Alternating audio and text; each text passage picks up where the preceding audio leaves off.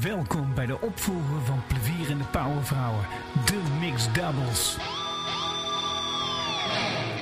De podcast over inspirerende leiders van deze tijd. En vandaag zijn dit mijn gasten.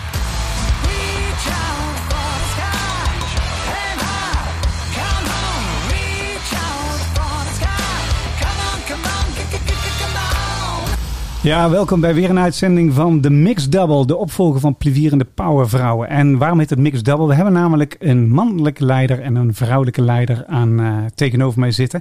En het doel van de podcast is namelijk inspirerende rolmodellen, inspirerende leiders in beeld brengen, zodat je je eigen leiderschap kan ontwikkelen.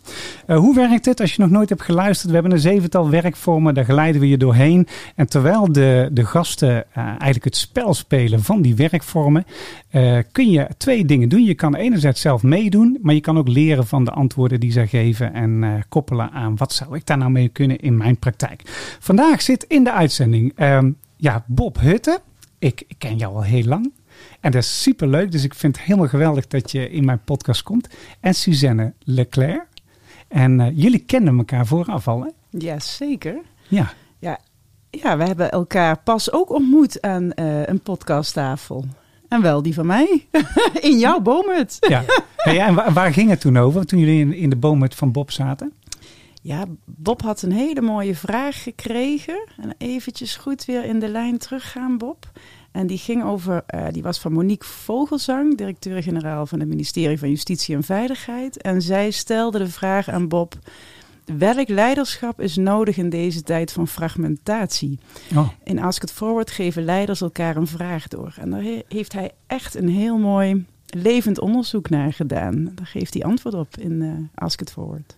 ja, en, en, en wat was het antwoord uiteindelijk, eh, Bob? Ja, nou dat kun je niet in een paar eh, minuten pakken eigenlijk. Maar kijk, wat je, wat je als leider wel moet zijn, eh, is eh, een voorbeeld voor een ander omdat hij kan volgen. En wat ik vooral in de politiek mis, is het feit dat, dat eh, een politicus zijn authenticiteit laat zien. Dat hij, dat hij pijn en plezier heeft. Dus dat hij ook echt is. En ja, als je zo gefragmenteerd eh, ja, eh, steeds leiding moet geven, dus, dus bevolkingsgroepen die, die voortdurend op en neer stuiteren, ja, dan, zul je, dan, dan, dan heb je een sterke leider nodig die kan voelen wat er in die maatschappij gebeurt. En, en als ik dat wil geloven, dan moet dat.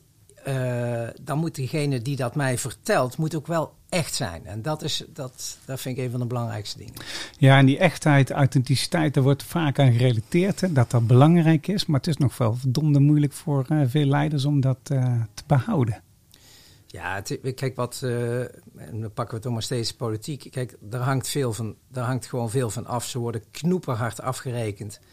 Ehm, en ik zou tegen de maatschappij ook willen zeggen van... joh, laat ook deze mensen gewoon fouten maken. Want dat doen we allemaal. En eh, je kop eraf... ehm, ja, als dat iedere keer eh, wanneer jij een fout maakt dat je kop eraf moet. Of kan het ook een keer zijn dat we zeggen, joh, hij doet wel 331 dingen goed. Dus die ene keer dat hij er langs zit, weet je, prima. Hè? Mee eens, mee eens. Ik had, eh, vrijdag had ik eh, Lydia van Oudenaar eh, aan in mijn dingen. Die had het over code switching. De leiders moeten gewoon kunnen laveren en die moeten fouten kunnen maken. En je moet af en toe moet je opschakelen of je moet weer terugschakelen naar de werkvloer. Of eh, soms weer even opschakelen naar wat intellectuele mensen. En eh, ze had het over van, dan moet je een beetje levelen. Wat zijn de waarden van hun? En, hè, en gun die mensen ook fouten, want dan ontstaat er beter leiderschap. Ja. Ja, ik, ik zou ook. eh, ik, ik heb het over onderzoekend leiderschap. En daar ga je eigenlijk anders kijken naar termen als goed en fout. Ja, Dat is namelijk ons denkframe. Hè? Wij zijn geneigd, wij zitten eigenlijk altijd te kijken... wat doet iemand goed of fout? ja. Als je die filter nou eens omhoog haalt, dat kijken door een filter wat gaat over goed en fout, dan ga je gewoon kijken wat doen mensen, wat zeggen ze, wat gebeurt er, wat. En dan, eh, we hebben eigenlijk heel veel last met elkaar van dat afrekenmechanisme. Uiteindelijk denk ik dat leiderschap eh, eh, begint bij mensen die snappen hoe ze bepaalde vraagstukken in beweging kunnen brengen. En ook durven onderzoeken met een groot deel van de bevolking of met hun teams. Wat moet hier nu gebeuren? Want Ja. ik weet het niet. Ja, en dat ik... En als je het wel weet op ja. het kleine operationele, eh, doe je ding. Dat is gewoon eh, de operatie leiden. Maar wat ik zo nodig vind op alle niveaus, is leiders die durven iets in stelling te brengen. Dat gaat over niet weten. En dan, eh, als je dat durft, creëer je meteen een andere cultuur dan de goed-fout cultuur. Dat is interessant. je- ja, Ja. Het is een De- onderzoekende cultuur, Ja. waarin je samen vooruit beweegt. Ja. ja, ze zeggen wel eens, ik, ik ben nou 53, ik weet niet hoe met jullie zit, maar eh, naarmate ik ouder word, kom ik Veel erachter. jonger. Ja, ja, veel jonger. Ik had al zo'n vermoeden, ja. Nee, Ja. valt. Ja, en dan Bob, jij bent jonger als ik, hè? Jij bent, hoe, jij, even kijken, hoe was jij? 41? Nee, nee. nee maar, maar, maar naarmate je ouder wordt, je komt er steeds meer achter. Je hebt wel een bepaalde, je hebt een bepaalde wijsheid. Maar ik kom er eigenlijk achter, naarmate ik ouder word, dat ik steeds minder weet eigenlijk. Dus vroeger dacht ik altijd van, nou, ik ben eh, mijn kennis aan het vergroten en ik groei steeds meer. En, maar eigenlijk zit de wijsheid veel meer in listen to learn, learn to listen, weet je wel. En geef in plaats van krijg, weet je wel. Dat, dat mechanisme weer meer. Ja, mooi dat je het onderscheid maakt tussen kennis en wijsheid. Volgens mij is dat cruciaal in Ja. ook hoe wij ehm, leiders werven voor posities. En we zijn een erg op kennis en inhoud ingerichte cultuur. Maar wijsheid is iets anders. Dus eh, daar gaan we daar eens even op in. Ik eh, laat jullie even voorstellen aan de hand van jullie Guilty Pleasure song. Hey Bob, je had eh, Nickelback Photograph.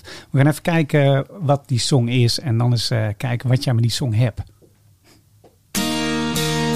Look at this photograph. Every time I do, it makes me laugh. How did our eyes get so red? And what the hell is on Joey's head? This is where I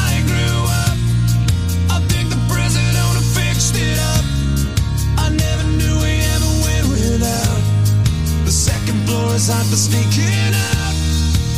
And this is where I went to school. Most of the time had better things to do. Criminal record says I've broken twice. I must have done it half a dozen times. I wonder if it's too late. Should I go back and try to graduate? Life's better now than it was back then. If I was them, I wouldn't let me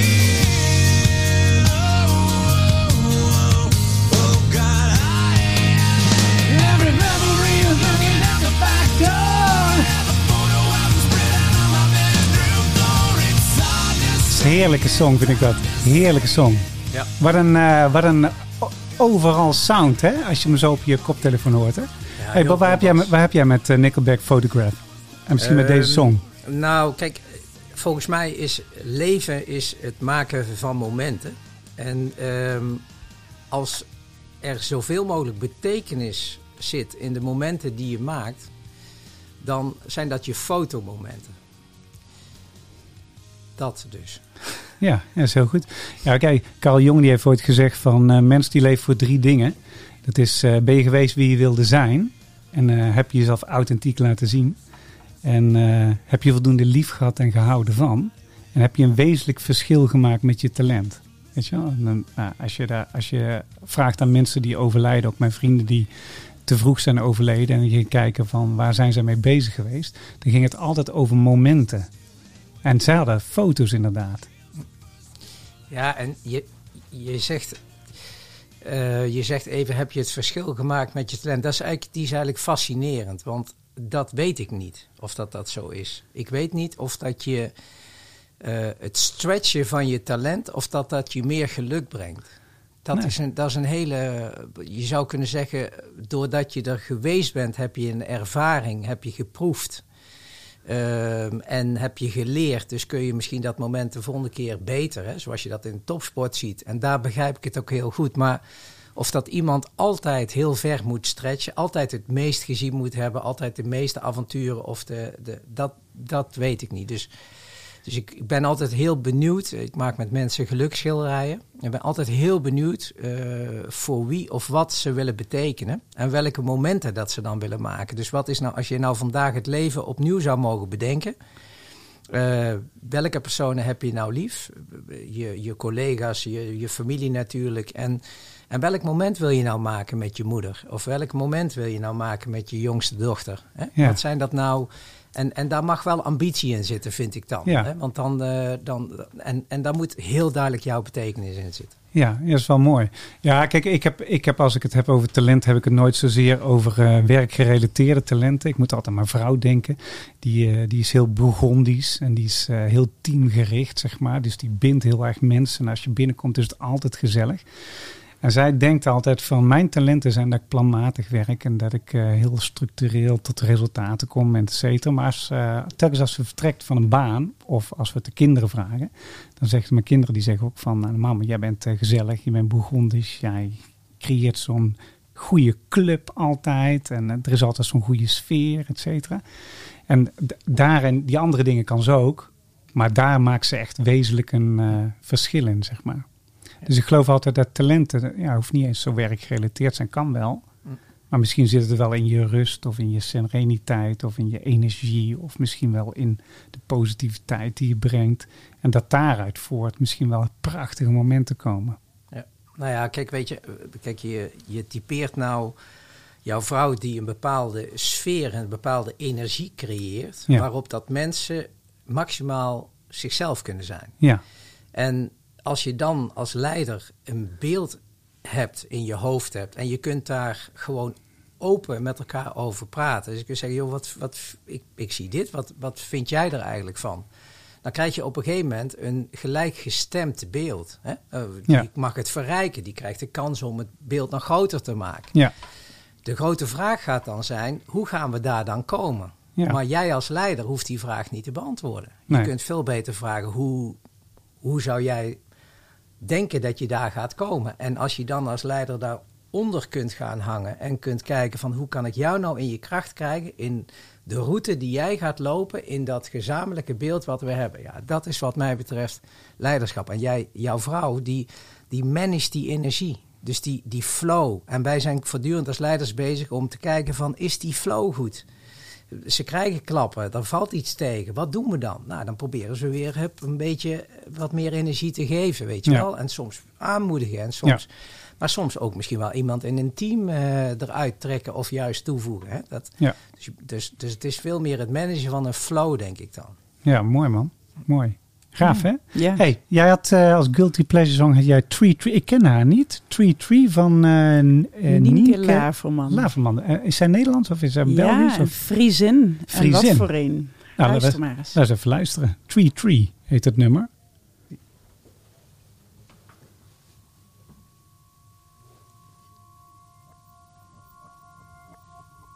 Tree, tree, what do you think of me? Tree, tree, what do you see when you look at me?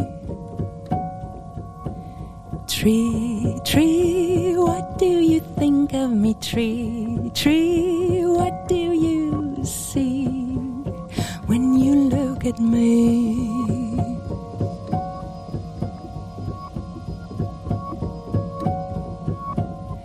Do I amuse you? Do I confuse you? Running around and around like I'm used to. Fast forward movie played at your feet at repeat, at repeat, at repeat. Tree,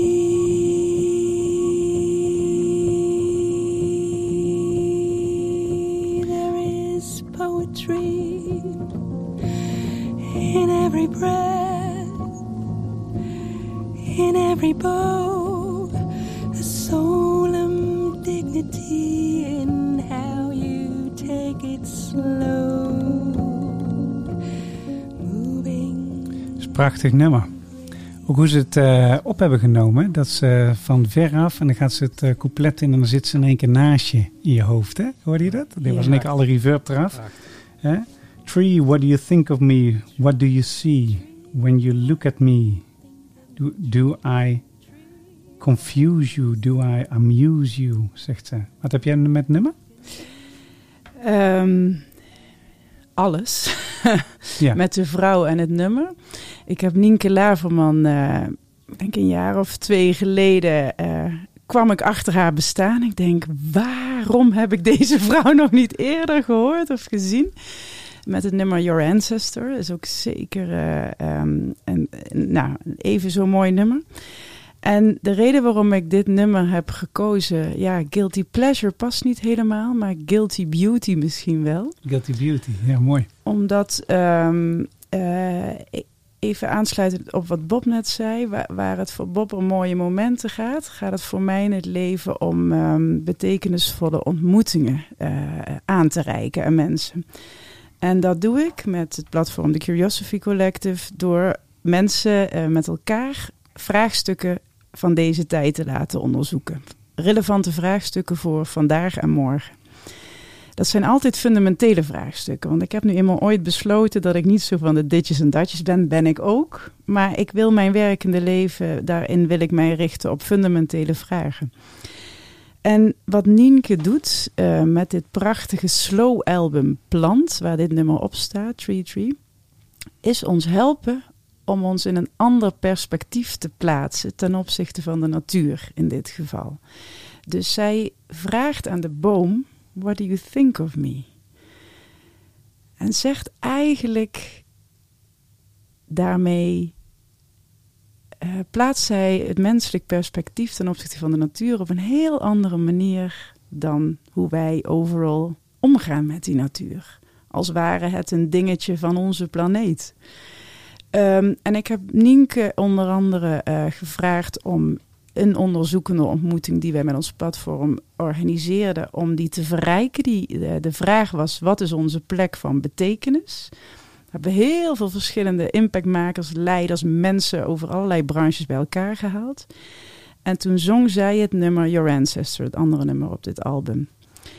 Wat er dan gebeurt, is wat, wat ik net bij jou zag gebeuren, Bob, als ik zo vrij mag zijn, is dat mensen in zichzelf in een verstilling gaan en gewoon geraakt worden op, in dit geval, eh, nou, dit nummer kan dat iets anders zijn, maar weer gewoon in de basis geraakt worden op een vraag waar we iets mee moeten of mogen. Als het nou gaat over een betere wereld creëren, geloof ik heel erg dat we kunstenaars nodig hebben. En zij een heel veelzijdige kunstenaar, spoken word artist, eh, poëet, zangeres. We hebben kunstenaars nodig weer in het midden van ons denken en voelen vooral. Om ook de verantwoordelijkheid te voelen voor de belangrijke vragen waar we soms veel te traag in handelen. Daarom heb ik dit nummer gekozen. Ja, mooi ja. Ja, en het leven, de, de, ik denk dat als mensen de juiste vragen stellen, komen ze ook op de juiste antwoorden of niet? Als het eh, lukt om eh, een proces in te richten waarin je heel veel verschillende mensen vraagt om met je mee te onderzoeken en daarin je eigen wijsheid durft te relativeren, dan kun je er heel ver komen. Ja, ik pleit erg voor vraagonderzoek als startpunt voor leiderschap. Nou, laten we eens even kijken of wat, eh, wat jullie gemeenschappelijk erin hebben. In, eh, want jullie zijn allebei, eh, jullie hebben een mooie filosofie. Eens kijken wat eh, de gemeenschappen zijn tussen jullie en eh, elkaar. De overeenkomstenreis.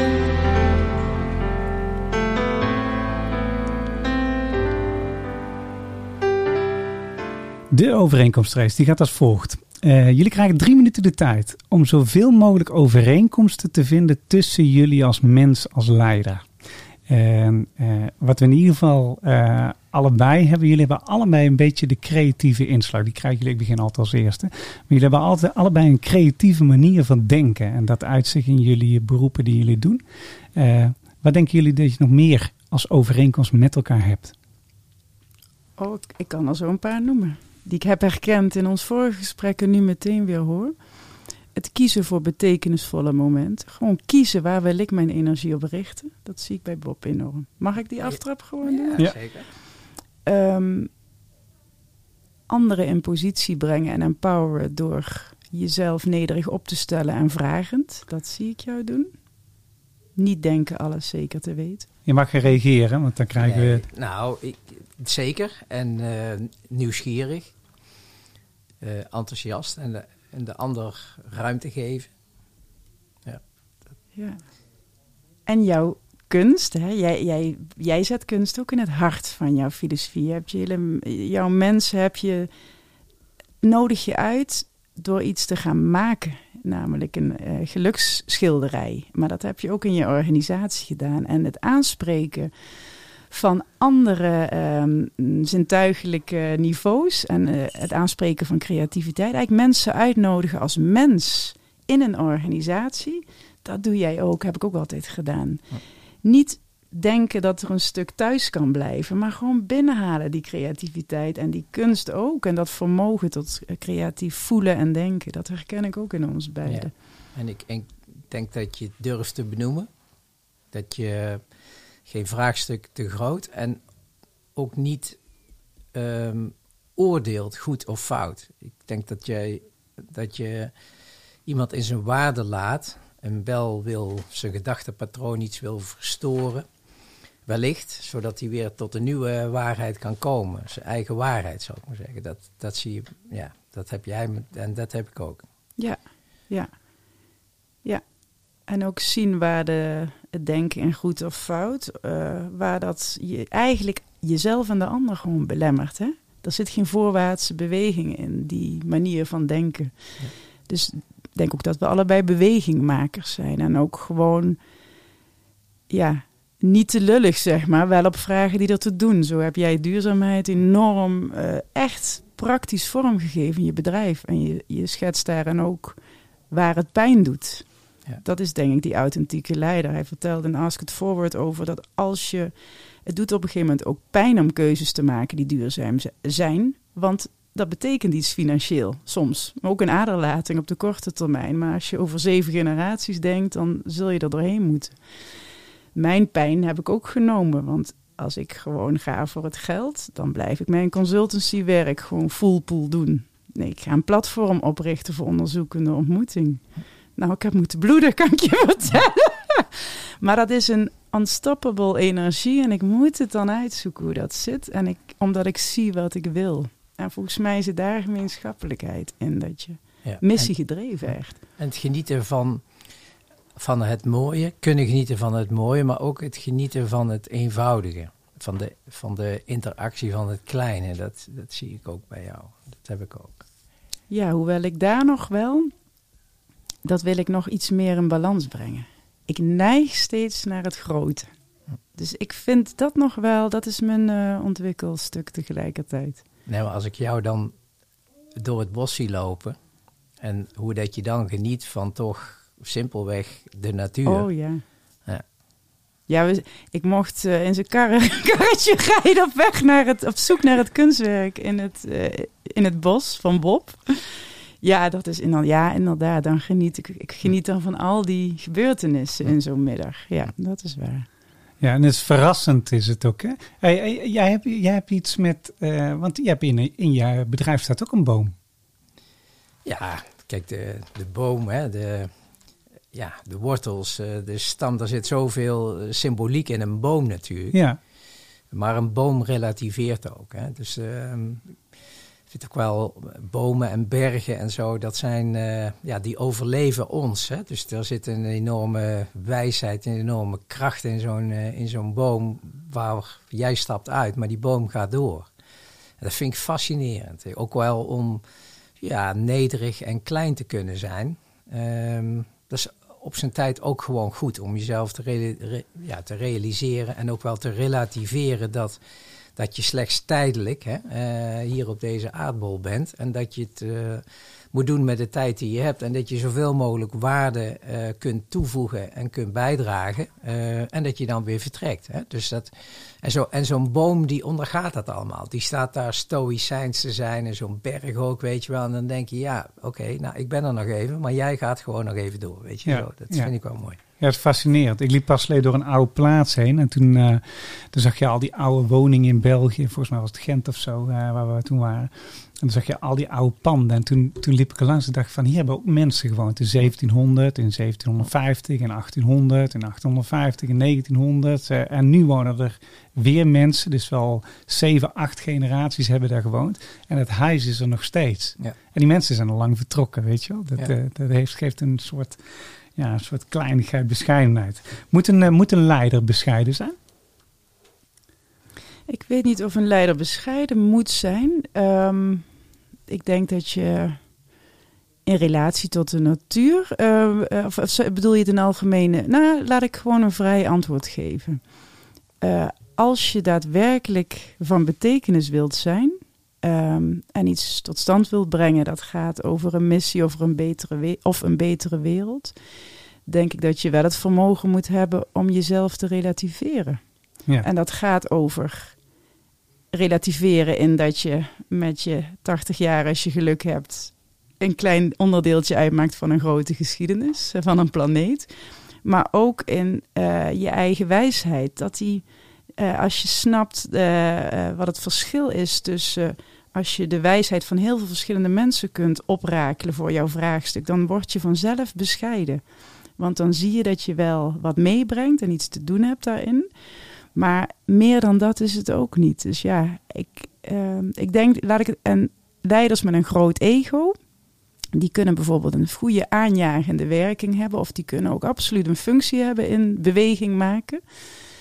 Ehm, maar duurzame leiders zijn, denk ik, toch redelijk bescheiden. Ja. Ja, ik, ik vind altijd met die managementboeken en, en de leiderschapsstijl en de leider. En kijk, in, zoals ik daarnaar kijk, dan ehm, past soms bescheidenheid. En soms past gewoon dat je richting moet geven. En Ja. soms eh, moet je eh, streng kunnen zijn. En soms moet je. Dus de leiderschapsstijl is er wat mij betreft niet. De beste leider is die leider die kan aanvoelen wat de ander nodig heeft om in zijn kracht te komen. En soms kan dat natuurlijk ook een heel team zijn wat, wat nodig is. En dat heb je allemaal nodig. Dus die bescheidenheid die hoort er ook bij. In deze tijd eh, wordt Hutte hard geraakt hè, in de crisis. Dan hoort daar gewoon ingetogenheid. Dan hoort daar bescheidenheid bij. Weet je, Ehm, dankbaarheid. Hè. Dat zijn allemaal. da- dankbaarheid is denk ik een van de mooiste mooiste dingen, mooiste dankbaarheid tonen. Een leider die dankbaarheid toont, dat is volgens mij de krachtigste leider. Dus die gewoon blij en dankbaar is voor dat hij mag zijn wie die is, dankzij, ondanks de mensen en zijn bedrijf, het, geluk wat hij wel gehad heeft, de pijn die hij beleefd heeft. Dus, en, dat, en maar dan kom ik toch weer terug op dat authentiek zijn, dat echt zijn. Ja, weet je, daar zit, daar zit, daar zit gewoon wat mij betreft de kracht van een echte leider. Ik heb veel, eh, veel eh, leiders aan tafel gehad inmiddels. En ze hebben het allemaal over die authenticiteit. Weet je? Maar ook de reis dat het best wel moeilijk is om daar te komen. Ik, eh, hey, als, als ik het zo net opnoem, dan hebben jullie dus als overeenkomst dus kiezen voor betekenisvolle momenten. Anderen enthousiasmeren ook de ruimte geven. nieuwsgierig zijn. Bij jullie staat allebei creativiteit, kunst centraal in, in, in, in jullie denkwijze en de dingen die jullie doen. Eh, mensen uitnodigen als mens, ook, eh, eh, en soms ook binnen de organisatie. Durven te benoemen, niet oordelen, beweging maken. Ook wederzijds rentmeesterschap halen. Hè, dat, dat je bezig bent met wat is de impact op mij, op het team, op de organisatie, de maatschappij om ons heen. En hoe staan we erin? Bereid ook soms te leren en de pijn daarvoor te moeten incasseren. Ik vind het heel knap als je zegt van ik word hard geraakt en ik ben toch dankbaar. Dat je dat nog kan zien, hè? want dat zijn hele volkstammen die daar moeite mee hebben.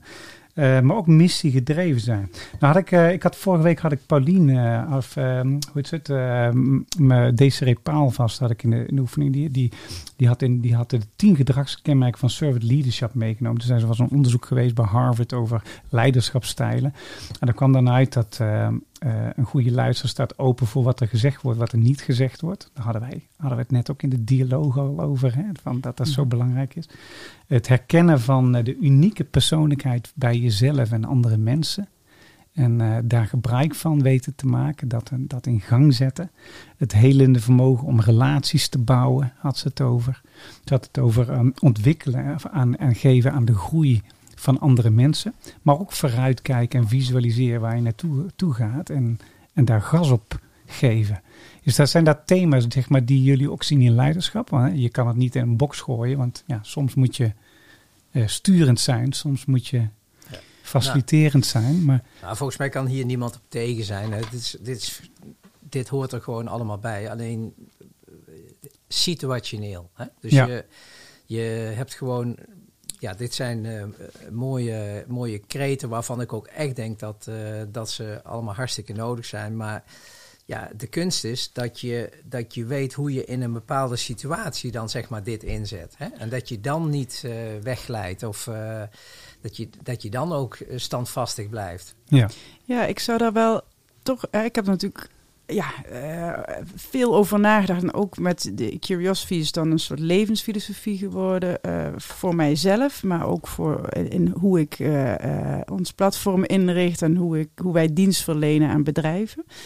En Curiosity is eigenlijk een filosofie van dus onderzoekend zijn in je leven en leiderschap. En de reden waarom ik dat in deze tijd zo'n belangrijke eigenschap vind, is omdat ehm, ik zo ontzettend weinig eh, leiders zie die de moed eigenlijk hebben en het vermogen om op het juiste moment de juiste vraag te stellen en die in onderzoek te brengen. Even als voorbeeld. Hè. We, we, kennen allemaal de kramp eh, als het gaat over de sp- spanning tussen aandeelhouders die eh, eh, achter de fina- financiële winst willen maken versus wat is er nodig voor een bedrijf dat lange termijn duurzaamheid echt wil omarmen. Voorbeelden te over. Bob heeft er mee te maken gehad, maar het speelt overal. Waarom wordt er niet landelijk dialoog georganiseerd over de vraag: wat is onze nieuwe definitie van winst? Vraagteken. En eh, En waarom is dat? een goede vraag. Eh, er zijn mensen die het doen, en platforms die het doen. Ik doe het- Zo'n vraag breng ik nu in stelling. Om eigenlijk met elkaar een nieuwe definitie van winst te maken.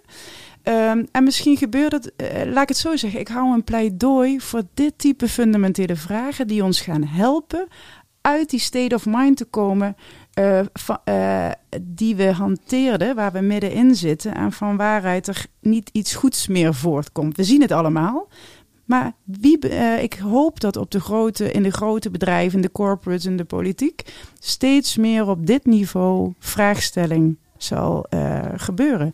En als je dat type onderzoek snapt wanneer dat nodig is, op dat type fundamentele vragen, kan er een andere mindset gezamenlijk ontstaan. En dus ook een grond om anders naar je winstcijfers te gaan kijken. Gewoon in je jaarrekening. Ja. Hebben wij dan wel dit, dit en dit nu voor ogen? Is dit nog werkbaar voor zeven generaties na ons? Dat ga, en dat bijna filosofische vermogen wat de Grieken in de oudheid wel hanteerden, inclusief de kunsten. eh, dat hebben we er allemaal uitgesloopt door de eeuwen heen. Dat is er gewoon uitgegaan. Maar daar was de politiek, zeker de organisatie, de filosofie en de kunsten waren in het hart van besluitvorming op grote processen. En bij ons is de kunst naar de rand van de samenleving gegaan, ergens in musea gestopt. De filosofie is langzaam, hè, filosofen is ook een aparte tak van sport geworden. En ik vind dat we weer meer van de denkkracht vanuit de filosofie nodig hebben en de kunst in het hart van ons organiseren en de politiek. Wat vind jij, Bob?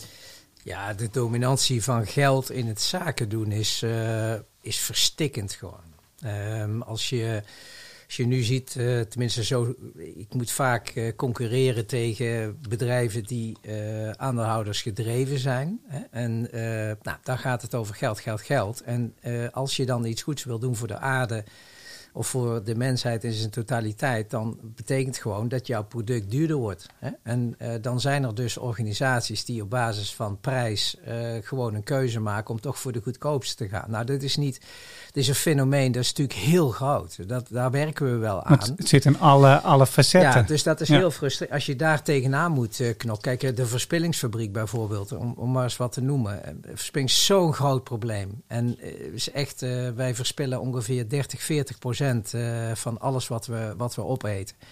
Eh, wat we produceren, dat verspillen we. Eh, 10% eh, van alle CO2 komt door voeding. En als je dan ongeveer eh, 40%, dan heb je 4% CO2 wat je kunt besparen zo makkelijk om te doen, zo goed om te doen. Maar als ik gewoon zie hoeveel weerstand dat er is, hoe het, het product is ietsjes duurder, omdat het nog een keer verwerkt moet worden. Nou, eh, maar dan denk ik echt bij mezelf, jee, hoe kan het toch zijn dat wij zo denken? Even terugkomen op, op wat jij zegt. Eh, kijk, kijk, wanneer durven we nou geluk centraal te stellen? Wanneer gaan we echt de discussie voeren van wat is nou het allerbelangrijkste in ons leven? Ik heb nu denk ik zo'n beetje duizend geluksschilderijen met individuele mensen gemaakt. En ik kan je zeggen dat de, als ik het dan vraag aan een ieder, welke momenten zou jij willen maken met degene eh, die, eh, die het meest lief hebt? Waar zit jouw echte betekenis? Waar kom jij s'morgens voor je bed uit? Wat zijn nou, waar leef jij voor? Dan is het fascinerend om te zien dat dat nooit gaat over geld. Dus, eh, af en toe staat er een hele, een hele dure motor op omdat ze het leuk vinden om motorrijden. Nou, ik zeg even af en toe. En, maar verder gaat het nooit over begeerte. Het gaat nooit over spullen, over grote huizen, over dure eh, eh, eh, reizen. Het gaat, dan weten we het allemaal heel goed. En dan komen we weer in het systeem terecht. Waarin we toch onszelf verhouden tot elkaar of wat dan ook. En dan, ja, en dan moeten we zoveel salaris verdienen om, om alles te kunnen doen wat we kunnen doen. Dus we, we zitten gewoon in een verstikkend systeem. Ja, maar, ja. Ja. En mijn overtuiging is, Bob, dat dat systeem in ons hoofd zit. In onze manier van denken. Gedachten zeggen het. In het woord gedachten zit verleden tijd. Dat wat we dachten. En met de gedachten die we hadden, komen we niet vooruit in de uitdagingen die er zijn. Dus dat systeem vind ik altijd groot en daar kom je niet bij. Maar je eigen denken kun je wel degelijk oprekken. En dat begint bij het moment waarop je dit type overtuiging. Ik, ik heb een leiderschapsprogramma, Leiden wij nu, waarin we mensen ehm, ja, ehm, begeleiden in meer onderzoekend leiderschap. En, en daar lopen we aan, bijvoorbeeld, is een mooi voorbeeld, ehm, dat veel mannen in dat leiderschapstraject met name, die zeggen, ik moet eerst zoveel verdiend hebben, dan word ik vrij. Hè? Dus dat lineaire denken, geld eerst en dan kan ik allemaal gaan doen, mijn waarde gaan leven. Dat is een, aan, een overtuiging, als je die vast in je hoofd hebt zitten, ja, dan denk je dat dat de route is om vrij te worden. Maar is, het ook Nu niet een beetje, maar is het ook niet een beetje systemisch? Ja, maar ik wil het systeem weer naar onszelf brengen. Ja. En dan ineens heb je heel veel invloedmogelijkheid. Ik had laatst Attilay Oesloe, eh, die zei eh, in mijn podcast van Corendon, oprichter. Die, hem, hij had hetzelfde mechanisme. Ik moet eerst geld verdienen, dan kan ik vrij worden. En ik vroeg hem, ben je nu vrij? Nee, zei hij. En waar ik... En daar had hij een heel mooi verhaal bij. En hij deelde een heel persoonlijk verhaal. Waar het me om gaat is ja, eigenlijk zo jong en vroeg mogelijk die mindset open krijgen. Zodat mensen eigenlijk betekenisvol gaan leven en werken. En dat niet uitstellen. En dat, gaat, dat begint bij de goede vragen eh, kunnen stellen. Dat is ook iets wat je kunt leren. En ook de moed hebben om dat te doen. En ja, dan richt ik me graag op mensen in gezaghebbende posities, omdat daar het meeste invloed van uitgaat, vooralsnog. En die, Ja. ehm, maar ja, Maar ik had liever dat er tien beleggers bij jou zouden zitten. die zitten bij mij. Ja, Ja, dan maar zou Bob, ik, die nee, zitten maar bij wacht mij. even. Want kijk, een systemisch, zeg jij Wouter. Natuurlijk, dit is het systeem. We, we, we leven in een wereld waarin eh, er eh, het, het grootste kapitaal zit gewoon bij, eh, bij, bij shareholders. Hè? Die in feite maar één rendement kennen en dat is meer. Ja. Hè? Dus als je, als, je, als je het daar niet los gaat maken, dat, dat meer niet de oplossing is, maar beter de oplossing is dan, eh, dan zul je. eh, dus, dus daar zul je moeten beginnen om, om al die CEO's eh, op een andere manier gedreven te krijgen.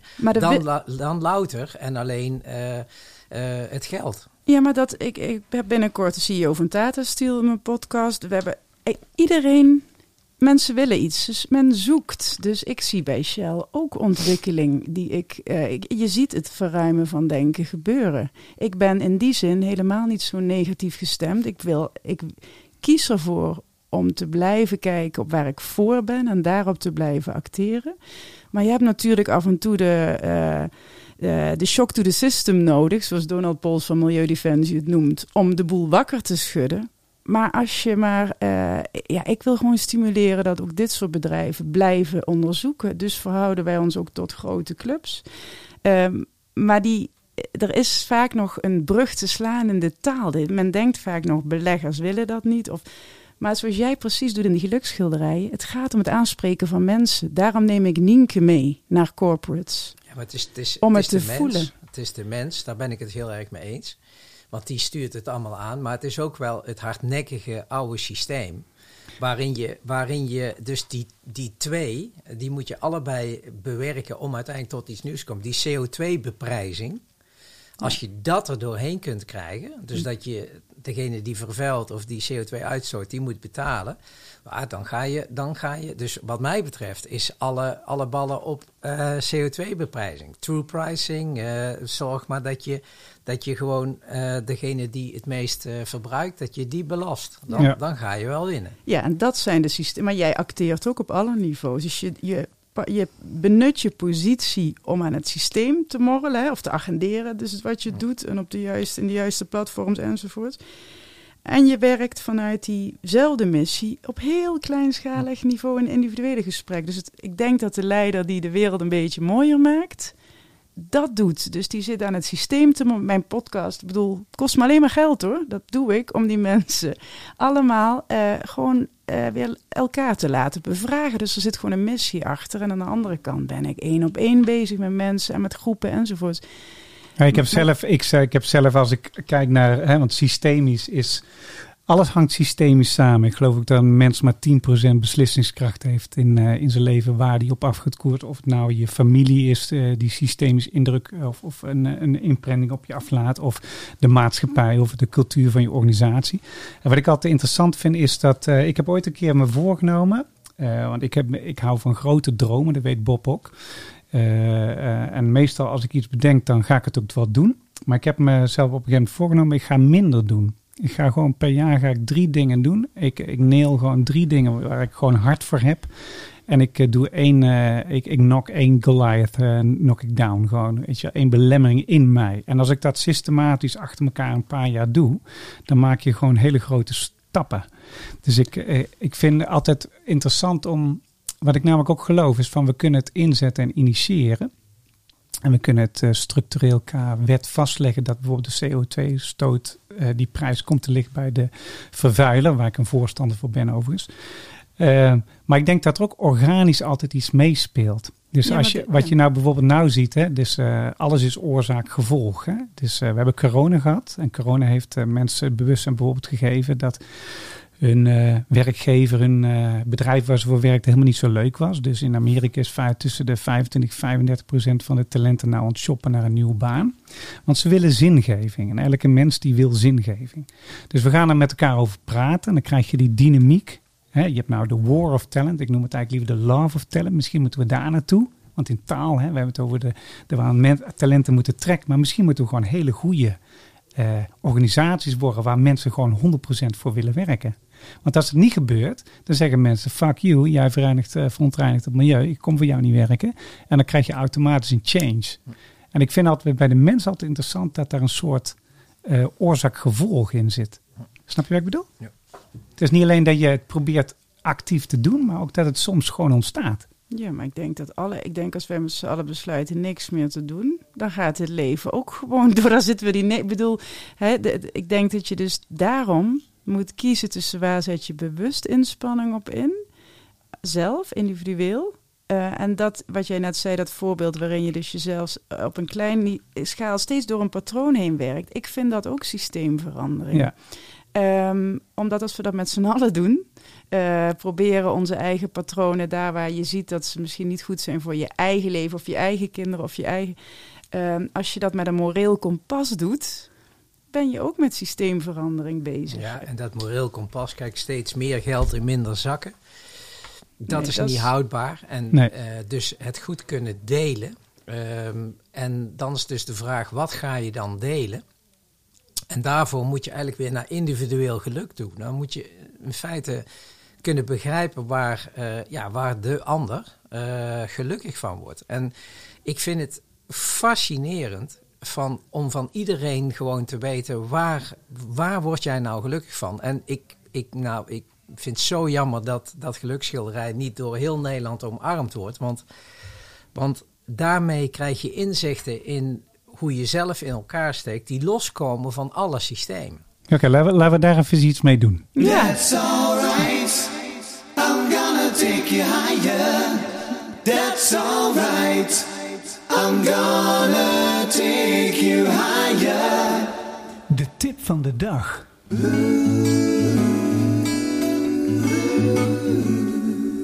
We doen niet echt de tip van de dag hoor, Bob, want daar zou het eh, onvoldoende. Maar wat we wel gaan doen is dit. Stel je voor je zou een advies mogen geven aan iedereen die nou luistert. Wat je hem van harte gunt. Wat zou je hem dan gunnen? Dat hetzelfde ga ik jou daar ook vragen. Maar direct daarachteraan ga ik eh, een oefening doen die heet de story. Dan gaan we eens kijken van hoe ben je hiertoe gekomen? Want daar ben ik dan ook benieuwd naar. Ja, ik, als ik dan een, een tip zou mogen geven, dan, dan pak een uur, ga zitten en stel je voor dat je precies over een uur sterft. En denk dan eens na over het, hetgeen wat je tot dan toe hebt gedaan. Heb je dan betekend wat je wilde betekenen, gedaan wat je wilde doen en was je jezelf? En in datzelfde uur zou je ook kunnen, hoop ik, dat je wat recalcitrant wordt. Dan zeg je, ja, potverdikkie, maar ik wil graag leven, ik wil vooruit. Dan zou ik je willen vragen van, schrijf nou eens degene op die je lief hebt en, en kijk nu eens of dat jij die momenten maakt waarin hetgeen wat jij dan wil betekenen, eh, of dat je dat dan ook doet. En, eh, en als je dan een vooruitzicht hebt of een, een, een, een, beeld hebt van, eh, van al die mensen die je getekend hebt, is dat dan zoals je zou willen leven? En ik bedoel, dat uur zal misschien een dag worden. En het, ik weet ook dat je in het eerste uur ga je geweldig verward raken. Maar hé, we worden met z'n allen gemiddeld, wat is het, 85 of zo, of 80. Dus ook voor jou houdt het een keer op. Ja. Ha- haal dat moment daarvoor. Ja, dat maar dat vind ik mooi. Ja, heel mooi. En jij? Ja, ik, ehm, ik denk dat ik. eh, laat ik dan. Ik, ik zou hetzelfde als Bob kunnen zeggen nu, maar het lijkt me mooi om dan een, een soort andere. eh, wat ik mensen gun, is dat ze de vraag: wat draag jij bij in dit leven? Ook aan een onbekende ander stellen. Dus beginnen met de vraag: wat draag ik bij? En vervolgens met een onbekende ander, dus iemand die je nog niet goed kent, vragen: Mag ik eens met jou een uurtje zitten? Wat draag jij bij?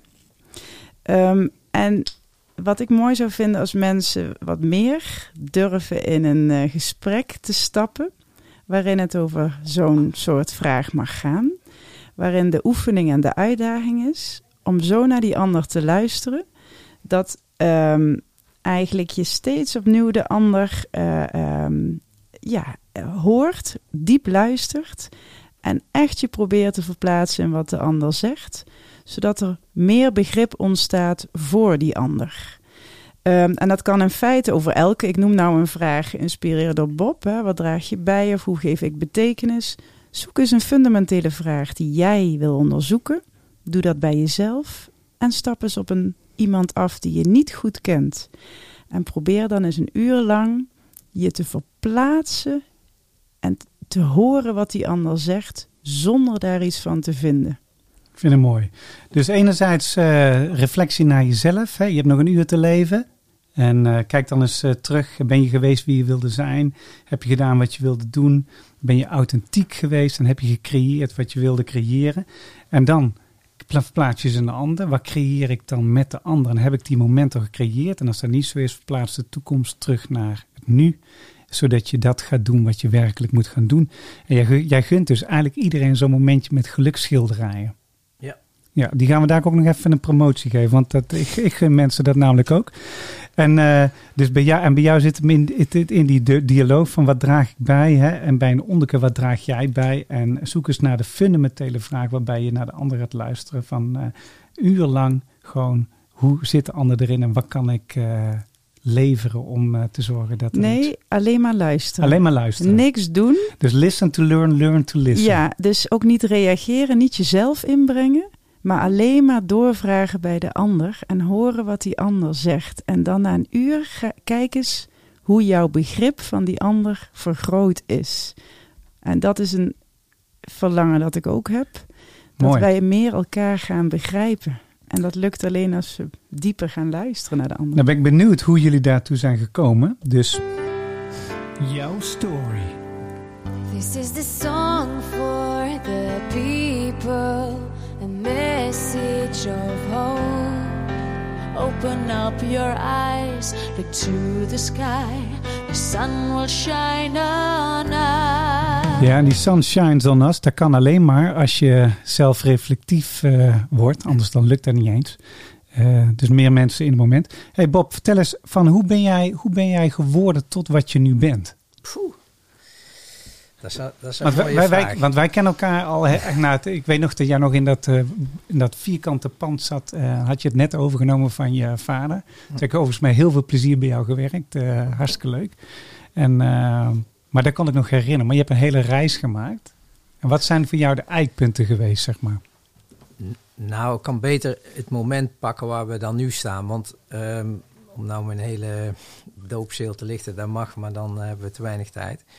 Maar ehm, laat ik zo zeggen, hoe, ik, ik denk dat je me wil vragen, hoe kom je nou tot, een, eh, tot het feit dat je nu geluksschilderijen maakt met mensen? En het klopt ook dat je zegt dat je in ieder graag een geluksschilderij wilt laten maken. Ehm, dat komt omdat de inzichten die je daardoor krijgt, die veranderen volstrekt je leven. Als je dan zegt, hoe kom je daar dan toe?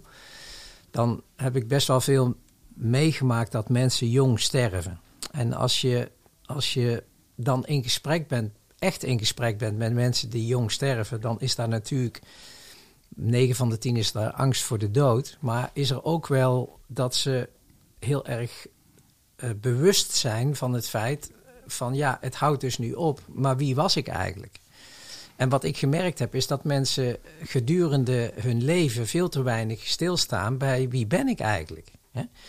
En, eh, en dan moet je eigenlijk zeggen, ja, wie was ik eigenlijk? Want je stapt eh, binnenkort uit. En dus, die, dus dat was fascinatie nummer één. Hoe kan dat toch zijn dat wij daar zo weinig over nadenken, over wie wij eigenlijk zijn? Hè? Ja. En twee was, eh, als ik dan vroeg, maar joh, wat zou je dan nog willen doen? Wat is dan, wat, wat is dan nog de dingen die je, die je echt nog beter wil pakken? Want je, je hebt er buikpijn van of je pijn van dat je gaat vertrekken hier. Maar, maar, maar wat ga je missen? Wat zijn de... En, en dan konden mensen het niet zeggen. Hè? Dus eh, vaak nog wel elementair van ja, dan zie ik mijn kleinzoon eh, nooit meer. Hè? Dat, dat, eh, dat konden ze dan soms nog wel aangeven. Maar dus, dus als je dat voor ogen houdt en je zou dat naar voren kunnen halen en zeggen van joh, maar, maar wat kan ik nou doen om zeg maar dat leven ja, zo te leven dat ik in ieder geval gedaan heb wat ik wilde doen. Ja, dat is. Ja, dat vind ik in ieder geval heel mooi om te doen. En, en voor iedereen ontzettend zinvol. Ja, gaaf. Ja. ja, en dat is het absoluut. Hè? Ik, had, eh, ik had een onderzoek gelezen dat in Nederland 30% van de mensen op hun talent werkt. En maar 12% van de mensen bevlogen leeft en werkt. En, Ja. en 70% is tevreden. Ja, en dan zit er ook nog één ding in de weg en dat is conditionering. Ja, en wat is dat dan? Wa- wa- Wat, Ja, conditionering is dat je ja, tot je 2025 eh toch wel de waarheid opgespeld krijgt. Ja. Die, eh, die, je ja, die, die je nu beleeft. Dus je, je krijgt heel veel mee van je vader en je moeder, van je vrienden, van eventueel wel of niet gepest of geraakt of niet geraakt, weet je wel, eh, pijn die je geleden hebt. En, en dat vormt je. En ook eh, in, die, in die workshop zit ook heel erg van, dat gelukschilderij zit ook heel erg van, heb je daar last van? Zit die conditionering je in de, in je, in de weg Ja. om uiteindelijk je gelukschilderij te kunnen maken? Hè? Dat, dat zie je... eh, dat zie je best wel vaak. Dus dat mensen gewoon dingen omsla- eh, overslaan of ze uit de weg gaan, omdat het gewoon zo'n pijn doet om daar te komen. Nou ja, dat is dus, dat is dus, niet, de, dat is dus niet de weg, zal ik maar zeggen. Maar dat, eh, dus conditionering is een, is een fenomeen waar wij als leiders ook echt rekening mee moeten houden. Dat iedereen dus een andere conditionering heeft gehad. Als je daar ook aan begint te peuteren.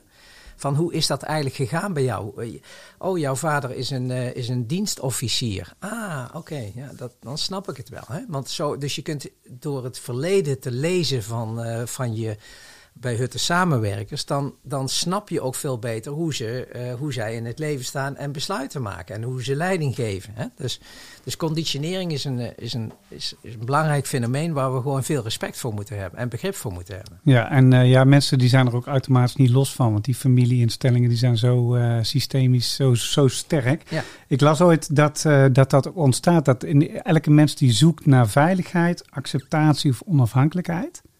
En de manier hoe ze dat doen is enerzijds door het eh, af te dwingen. eh, of door terug te trekken. of door ehm, eh, je best te doen, hard te werken. Hm.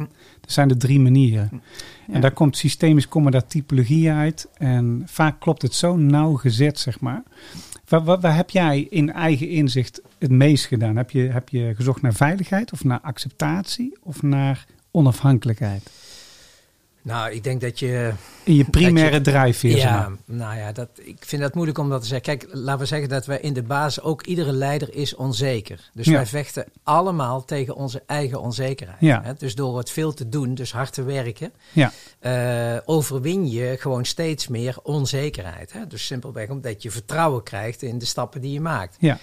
Ehm, ja, als je dan zegt, kijk, onafhankelijkheid zit natuurlijk eh, in een ondernemer die wil graag onafhankelijk zijn. Dat is ook wel een beetje, ja, eh, ik- ja, ik weet niet hoe ik dat goed moet zeggen, maar het is, ik bedoel, we zijn gewoon niet onafhankelijk, dus we zijn afhankelijk van elkaar. Altijd, en ik heb het ja. nu weer eh, enorm op mijn neus gekregen natuurlijk met corona. Hè. Als ik geen Ja. steun gehad zou hebben, nou, dan was Hutten na eh, 92 jaar er gewoon niet. Ja.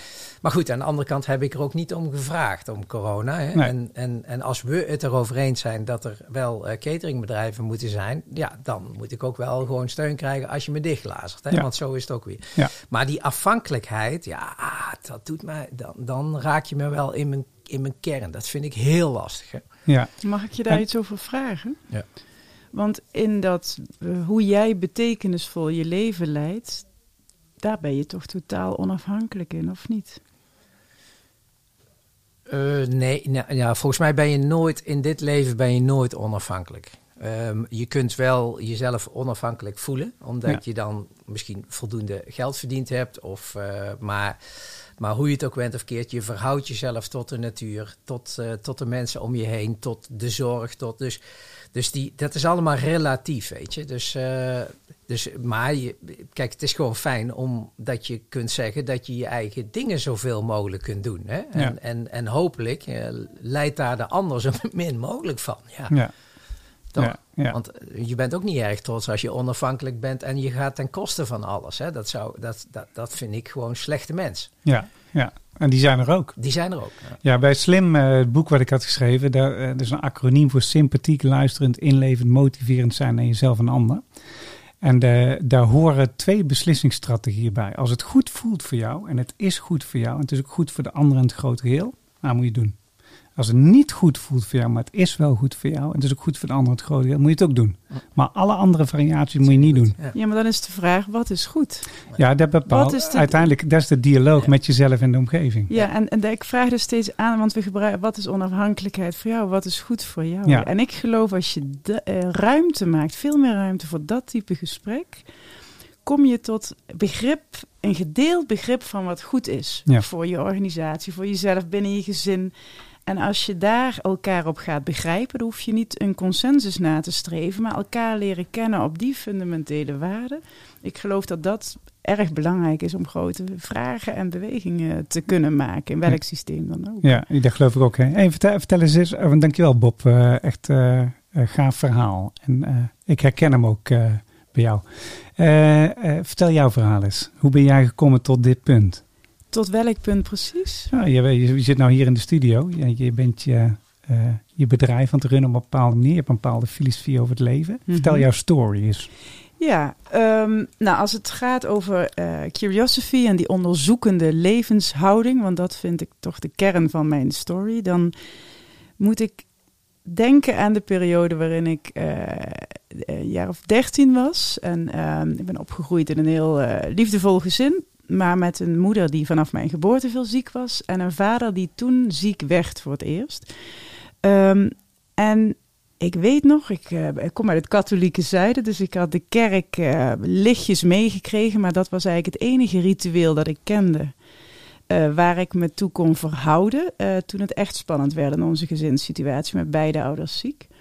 En ik weet nog dat ik dacht, oké, nou moet ik dus gewoon 100 gebedjes per dag gaan doen, want dan gaat het misschien beter worden. Dat deed ik dus heel lang. Ja. Ehm, totdat ik begon te denken, ja, ik weet niet of dat nou van boven gaat komen. Ik, ik, wil, ik wil begrijpen wat hier gebeurt. Dus ik begon eigenlijk heel erg uit te zoeken, te onderzoeken hoe dat met mijn vaders ziekte zat, hoe dat met mijn moeder werkte. En ik ben eigenlijk in die periode eh, extreem onderzoekend geworden, omdat ik niet helemaal zeker wist of van boven ze zouden helpen, zullen we maar zeggen. Ja.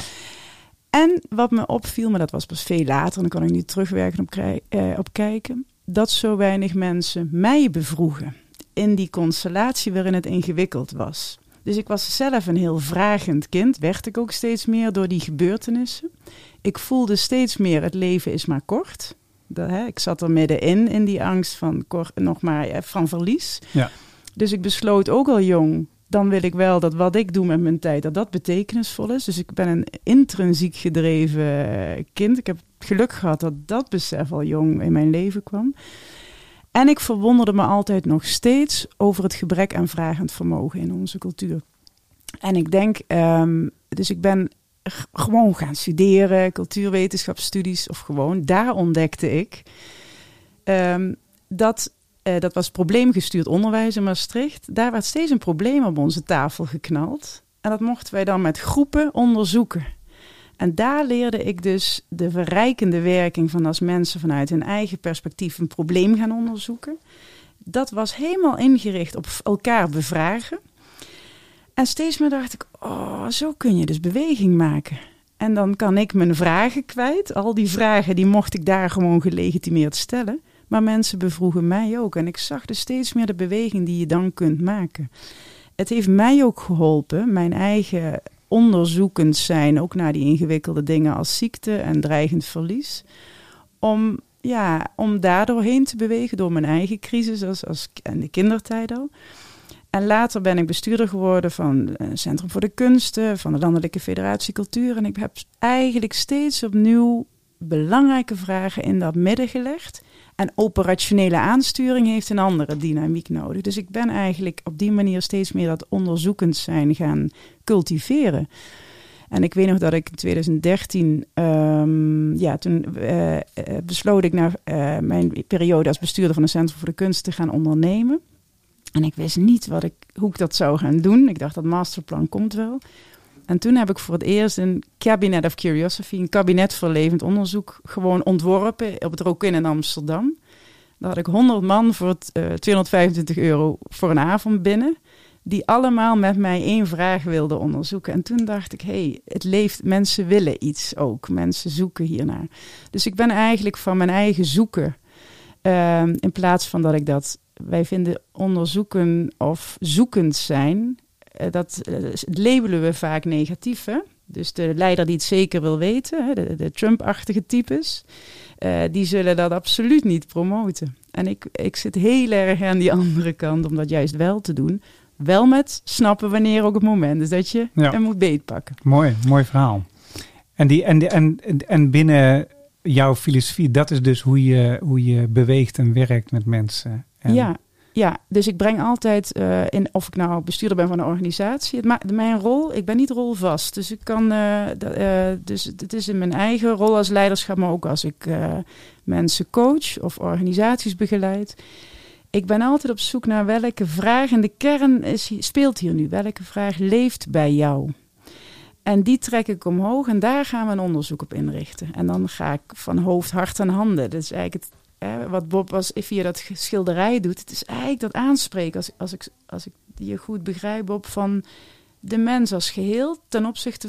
Jij stelt de vraag centraal: wat is jouw betekenis in het leven? En je helpt mensen daar naartoe. En ik, ik ontwerp iets vaak ook met kunst en dingen doen op een vraag die voor ligt op dat moment. Voor Ja. de organisatie, voor de. Ja. Gaaf. Dus we kunnen, we kunnen eigenlijk zeggen dat als, als je dus eh, relevante eh, vraagstukken in de maatschappij wil aankaarten. En je neemt als uitgangspunt dat we samen mooie momenten en mooie ontmoetingen gaan regelen met elkaar, mooie dialogen. Dan kan het zomaar zijn dat mensen gaan kiezen voor betekenisvolle momenten. Maar dat betekent wel dat je je wijsheid als leider op de juiste manier situationeel moet inzetten. Want je hebt niet één stijl. Je hebt verschillende stijlen die werken. En eigenlijk is het pleidooi dus, eh, stellen we de juiste vragen aan elkaar. En gaan we de juiste dialoog aan. Want eh, eh, uiteindelijk draait het erom, elke mens heeft een vergankelijkheid in zich. Hè. We gaan op een gegeven moment gaan we gewoon dit pad verlaten. En als je een betere wereld wil creëren, dan kan het zijn dat je dus de mindset moet ontwikkelen om betekenisvol leven voorop te stellen En welvaart misschien een beetje naar achter en welzijn naar voren. Doe je dat goed, dan betekent uiteindelijk dat je je dus druk gaat maken om drie vragen. En dat zijn, eh, ben ik geweest wie ik wilde zijn? Heb ik gedaan wat ik wilde doen? Ben ik authentiek geweest? Maar heb ik vooral ook de goede vragen gesteld in dialoog met anderen? Doen we dat, creëren we een mooiere wereld om ons heen. Is dat een goede summary van, eh, of wil je nog iets toevoegen? En dan in de tegenwoordige tijd gesteld. En dan in de tegenwoordige tijd stelt. Ja, dat is goed. Ja? Nou, ik, ik, laat ik zo zeggen. Ik denk dat je. Kijk, een leider moet een visionair zijn. Ja. Die moet een beeld kunnen, moet een beeld kunnen aangeven. En die moet mensen kunnen enthousiasmeren om in dat beeld mee te gaan denken en doen. Ja. En, en om dat te verrijken. Dat is een belangrijke eh, toevoeging, vind ik. Want dat is het echte leiderschap eh, wat, je, wat je nodig hebt. Eh, krijg je iemand mee, kun je draagvlak creëren. Ja. Ja, en bij mij begint dat beeld maken bij de vraag: waar willen wij over twintig jaar staan? Hm. Dus hoe je tot een gezamenlijk beeld komt, en daar, daarin kan het dat wij wat anders zijn, maar dat viel me in ons gesprek op. Ik denk dat je het beeld van waar je naartoe kan met elkaar ook zo kunt maken. En dat is iets anders, of ja, ik weet niet of het verschillend is, maar en dan vervolgens moet je als leider ook de boel, de focus houden. En dan kan de strategie onderweg wel wijzigen, maar dat beeld is dan wat je bewaakt met elkaar. Ja, ik bestrijd dat niet. Hè. Ik ben het Mm. ermee eens. Alleen je, je kijk, je, de directeur van NS of de directeur van bol.com, die zit daar omdat hij, eh, als het goed is, het beste weet waar het Ja. eh, bedrijf naartoe moet. En eh, het is super interessant om onderzoekend eh, te zijn en te zeggen, joh, waar gaan wij met bol.com naartoe? Alleen de initiator is wel de leider. Ja, precies, de hè. Dus initiator van het proces. dat is het, de initiator van het proces. Daar En- zeg je het eigenlijk mooi. En dat vind ik echt, ja, daarom sorry dat ik- maar die Ja. vind ik zo Ja. eh, belangrijk om even te noemen. Omdat we denken vaak dat die leider dat moet weten. Maar die moet het proces initiëren en de juiste mensen steeds opnieuw verenigen rondom die vraag. En dan op een gegeven moment ook zeggen, en dit is hem. Ja, want, Want, hier is- gaan we dan op Ja, want dat is wel... eh, kijk, ergens stopt ook zo'n proces. Hè? Want kijk, je Tuurlijk. kunt niet eindeloos doorgaan met het stellen van vragen. En, en, en, want op een gegeven moment moet je zeggen, dit is hem. En hier gaan we dan ook voor. En dan heb je andere kwaliteiten als leider ook nodig om daar ook echt te komen. Want als je Ja. voortdurend een bedrijf hebt dat alleen maar onderzoekend is, ja, dan kom je er ook niet. Dus je moet wel een keer durven zeggen, dit is het. En dat kun je dat wel na een jaar weer of twee jaar ter discussie stellen. Dat is allemaal prima. Ja, maar dat is ook een ergens moet je visie. gaan, hè? Maar- moet je Ja, he? Desiree die had het over eh, eh, helend vermogen om relaties te bouwen. En dus mensen helpen in harmonie met zichzelf en de omgeving. In staat zijn dat je ook kan zien wat er in de omgeving eh, gebeurt. ja. En dat je daarop kan anticiperen. Zorgen dat je mensen gaat stimuleren om mee te werken aan die gezamenlijke dromen. Misschien input daarvoor te geven. Dan het grote geheel ze- zien en ook standvastig daarin durven zijn. En, en dan voor, vervolgens dat ook in relatie tot eh, van heel klein de professional die voor je zit, het team wat eromheen hangt, de organisatie eromheen, de buitenmaatschappij en misschien zelfs wel nog groter het eh, universum. Ik, had, ik had vlak voordat we de podcastserie begonnen, had ik een, eh, een, ehm, een podcast gehoord van eh, Roy Martina. Daar heb ik wel eens mee op het podium gestaan in Italië, in Bologna. En die zei, als mensen een intentie willen realiseren, dat wil zeggen dat ze een intentie moeten neerzetten zonder belemmeringen. De, het grote Mhm. ideaal zonder enkele Ja. vorm van belemmering. Want als dat cijfer is, dan kun je ook conceptueel gaan voorstellen hoe dat er precies uitziet. En als je dat ziet, dan kun je dus mensen ook gaan vertellen van waar je naartoe wil. Dan kunnen mensen input eraan leveren. En dan heb je alleen maar massieve actie nodig op het goede. Eigenlijk, als het goed voelt voor mij en het goed voor jou en het grote geheel, dan moeten we doen. Ja, en dan als is- laatste is het signaleren, dan zei hij. Het signaleren van tekenen dat je op de goede weg zit. Ja, en de, confronteren, waarderen. Hè? Ja, ja. Ja. precies. nou, en de dilemma's die je onderweg tegenkomt, want dat heet werken, ook weer een stelling brengen. Oh, hier gaat iets echt fundamenteel mis op die visieontwikkeling en op wat we ons pad. Ja. En dan weer naar de onderzoekstafel. Ja. Oké, wat gaan we hier doen? Dus mijn, en de hele tijd in afstemming met die maatschappij die zo snel verandert. Dus het houdt ook, je, je kan ook niet meer lineair op je zeker weten leunen, want die maatschappij gaat te snel. Dus je moet inderdaad dat, die sensitiviteit, wij noemen dat slimme sensitiviteit, dat is iets anders dan emotionaliteit en ook iets anders dan sentiment. Je moet voortdurend sensitief zijn voor wat gebeurt er in die wereld en doen wij nog waar we eh, waar we van zijn en kunnen wij die bijdrage nog leveren. En maar dan kan die visie overeind blijven, maar onderweg kan je dus, dat kan het betekenen dat je je strategie Ja. voortdurend eigenlijk moet bijstellen. Dat is ook wat, eh, wat jij zei. Hè? Ja, helemaal goed. hey, dankjewel voor jullie, eh voor jullie gaaf verhaal. We hadden nog veel langer kunnen praten. Heb je het leuk gehad, Bob? Zeker weten. Ja, heb je het leuk gehad? Heel, Goeie heel. talk. Dankjewel voor jullie komst. Stay tuned. Eh, tune gewoon weer in op de Mixed Doubles. En dan sluiten we alvast vanuit met de Song for the People.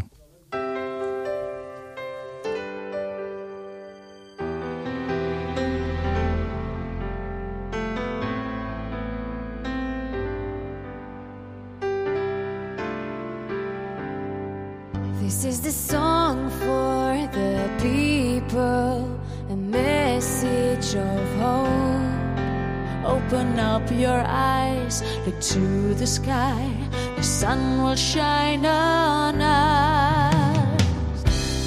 Every night I watch the moon and the changing tide. How did this turn